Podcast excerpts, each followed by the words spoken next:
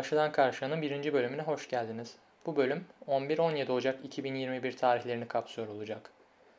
Dinlemeye başlamadan önce podcast açıklamasını okumanızı rica ediyorum.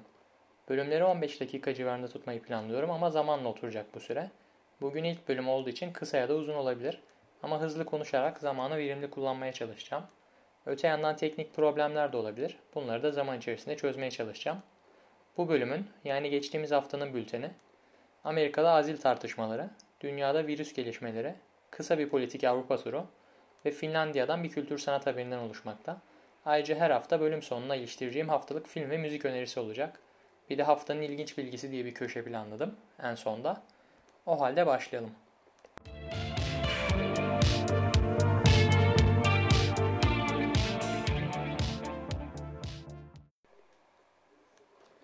Amerika'da Kapitol olaylarından sonra Trump'a destek tüm görev sürecindeki en düşük seviyeye geriledi.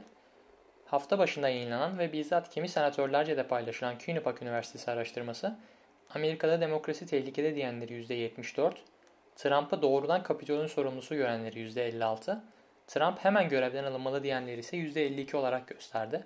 Fakat halen %37'lik bir kesim geride bıraktığımız başkanlık seçiminde hile olduğunu da düşünüyormuş. Bu da aslında hayli yüksek bir oran. Yani Trump'ın bu son çabalarının kendi kitlesinde halen biraz karşılığı mevcut diyebiliriz sanırım. Tabii tüm bu hareketliliğin üstüne zaten çeşitli resmi adımlar da bekleniyordu. Çünkü sadece demokratlar tarafında değil, Cumhuriyetçi cephede de kuvvetli bir kamuoyu oluşturulmuştu Trump'a karşı. İlk beklenti esasında Başkan Yardımcısı Mike Pence'in Amerikan Anayasası'nın 25. maddesini doğrudan kullanmasıydı. Bu yasaya göre başkan görevini yapabilecek durumda değilse başkan yardımcısı ve kabine çoğunluğunun kararıyla yetkileri alınıp yerine başkan yardımcısı konuyordu.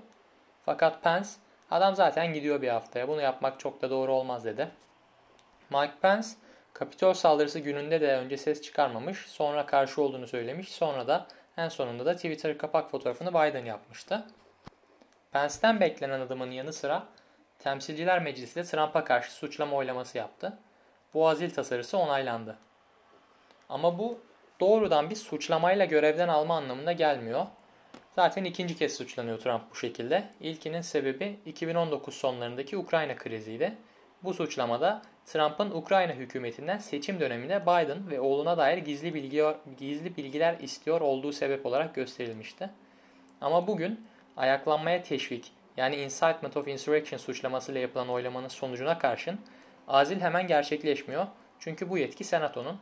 Senato çoğunluk lideri Mitch McConnell ise ki kendisi de çok tartışmalı bir figür. Bir diğer gündem olan virüsten etkilenen kişilere yapılacak sosyal yardımın miktarını azaltan birisi falan. Yani böyle kanını kessen kapitalizm ve cumhuriyetçilik yapıyor. Her neyse Mitch McConnell bu kararın 20'sinden yani devir teslimden sonra verileceğini söyledi. Yani Trump görevden alınmasa da görev süresi bitince yasal olarak suçlanıp yargılanabilir. Zaten çok yüksek ihtimalle de bir daha federe seviyede herhangi bir göreve getirilmesi yasaklanacak. Tabi devir teslim günü de olaylı olacak gibi Trump katılmayacağını açıkladı. Biden da ayağının tozuyla Müslümanların seyahat kısıtlamasını kaldıracak ve Paris İklim Anlaşması'nı tekrar tanıyacakmış ilk günden. Peki bu süreçte Trumpçılar ne yapıyor? Özellikle Proud Boys isimli paramiliter çete olayların odağındaydı. Bu oluşum Facebook ve Twitter'da banlandıktan sonra Parler'den iletişim kuruyormuş. O platform ise tabiri caizse Amerikalı sağcı hücre evi gibi olduğu için kapatılmış ve Telegram'a geçmişler. Fakat bu Telegram gruplarındaki mesajlar geçen hafta sızdırıldı. Bu arkadaşlar Elon Musk'tan bir girişim bekliyorlarmış. En Amerikalı ve en özgürlükçü platformu, iletişim platformu Elon Musk yaparmış ve Apple'ı gömermiş bunlara göre. Bu medeti yani konuşabilecekleri, kendilerini kendilerini özgürce ifade edebilecekleri, deyim yerindeyse zehirlerini saçabilecekleri platformu neden Elon Musk'ın umduklarının yorumunu da size bırakıyorum. Ama ipucu belki Musk'ın neoliberal sapıklıklarında gizli olabilir. Trump'ın katılmayacağını söylediği bu devir teslim töreni gününe doğru ve o gün içinde de yani 20'sinde bir takım olaylar bekleniyormuş. FBI, Proud Boys'un potansiyel silahlı eylemleri hususunda uyarıda bulunmuş. Amerika'daki son gündemimiz stimulus check denilen sosyal yardım projesi. Bir ay kadar önce verilen 1200 doların üstüne şimdi 600 dolar daha yardım gelmesine karar verildi ihtiyaç sahiplerine. Kapsamını ve miktarını az bulan bir hayli insan var. Çünkü Amerika'da 18 milyon insanın akıl almaz derecede fakir kaldığı söyleniyor bu virüs döneminde. Kamala Harris yani Joe, Joe Biden'ın e, Vice President'ı 2000 dolar olmalı demişti buna. Göreve geldikten sonra bunun adımlarını atması bekleniyor. Ama tabii karşı çıkan da çok buna. Böylesi yardımların insanları tembelliğe sürükleyeceğini falan söylüyor cumhuriyetçi çevreler. Bu Amerikalıların kan dondurucu kapitalist ahlakını belki bilahare konuşuruz. Şimdi süreyi kısa tutmaya çalışıyorum. Podcast'te alıştıkça haberleri belki azaltacak, konuşmaları belki artıracak çeşitli formüller düşünebiliriz. Ve ilk bölümün sonuna geldik. Şimdi virüs haberlerine geçiyoruz.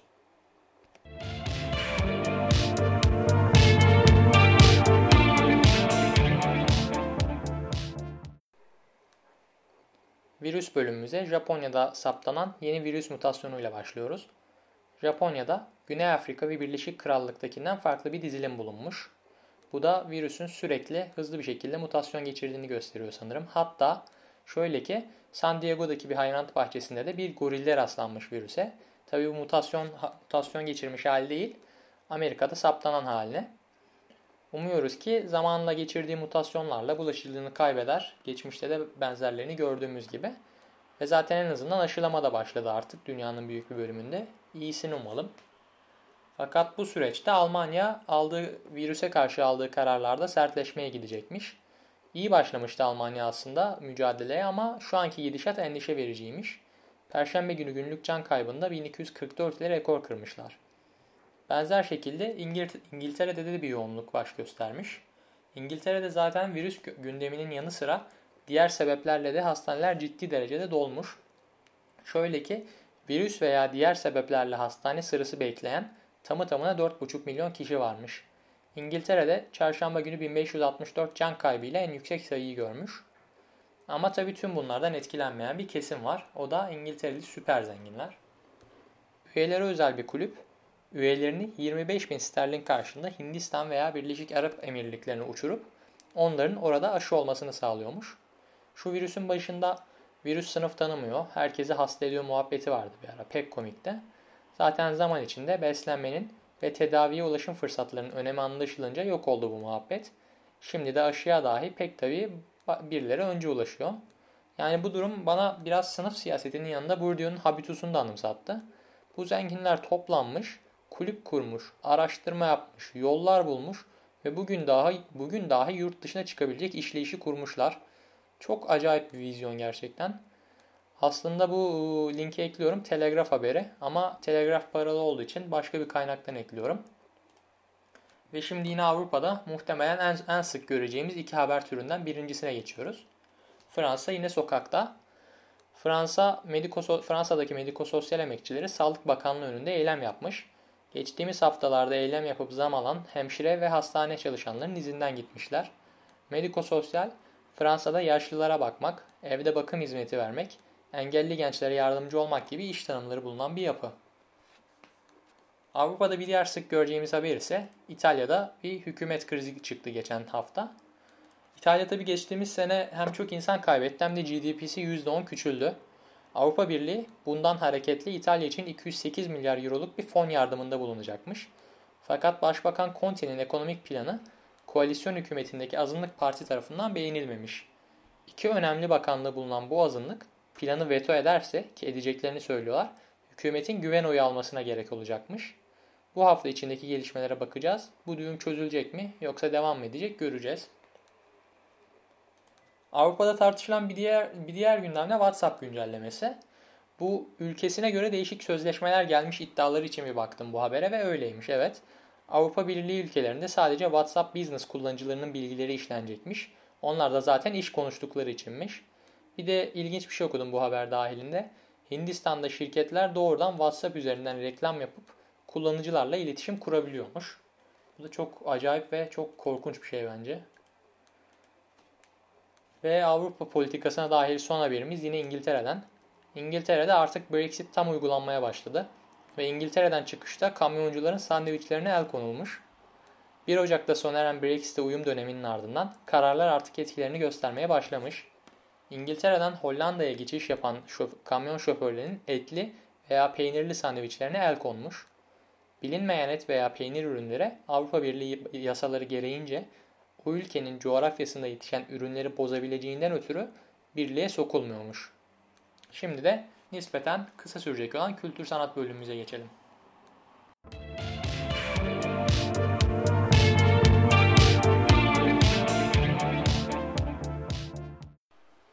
Burada bu haftaki tek haberimiz Finlandiya'dan. Nightwish grubunun bas gitaristi ve vokalisti Marco Hiela grubu ve sosyal hayatı terk etme kararı almış. Bunun sebebi ise artık yaptığı işlerin ve kendisinin değersizleştiğini, kar güdüsü altında ezildiğini hissetmesiymiş. Yaptığı açıklamada da endüstriyi zehir zemberek eleştiriyor Marco. Bu açıklama çok üzdü beni çünkü şu hayatta nispeten kurtulmuş ya da hayatı yaşıyor gibi görünen insanlar dahi zamanı geldiğinde yok oluyor, eritilip gidiyor zaman içerisinde. Spotify CEO'sunun birkaç ay önce yaptığı her hafta yeni müzik çıkartın. O zaman daha görünür olursunuz ve daha çok para kazanırsınız Spotify'da açıklamasını da hatırlamak gerek. Şimdi haftanın filmi bölümünde geçtiğimiz hafta izlediğim filmlerden birini öneriyorum. Bu hafta 1999 çıkışlı Reha Erdem imzalı Kaç Para Kaç'ı izledim ve buraya eklemeye karar verdim.